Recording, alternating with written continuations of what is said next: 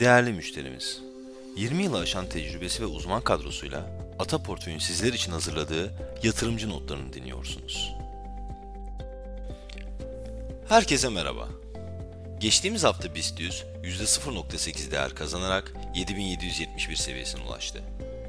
Endeksin yılbaşından bu yana performansı %41.1 oldu.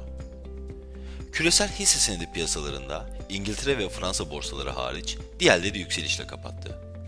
Emtia piyasalarında ise demir cevheri hariç baz metaller, ham petrol ve kıymetli madenlerde sert düşüşler kaydedildi.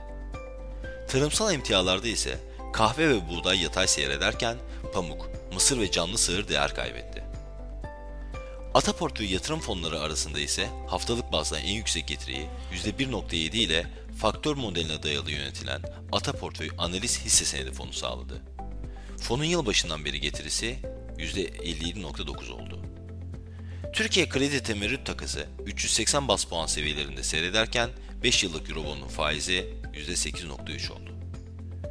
Emeklilik fonları tarafından geçen hafta en fazla Türksel, Sun Tekstil, BİM AŞ alınıp İş Bankası C, Yapı Kredi, Z Gold F satıldı.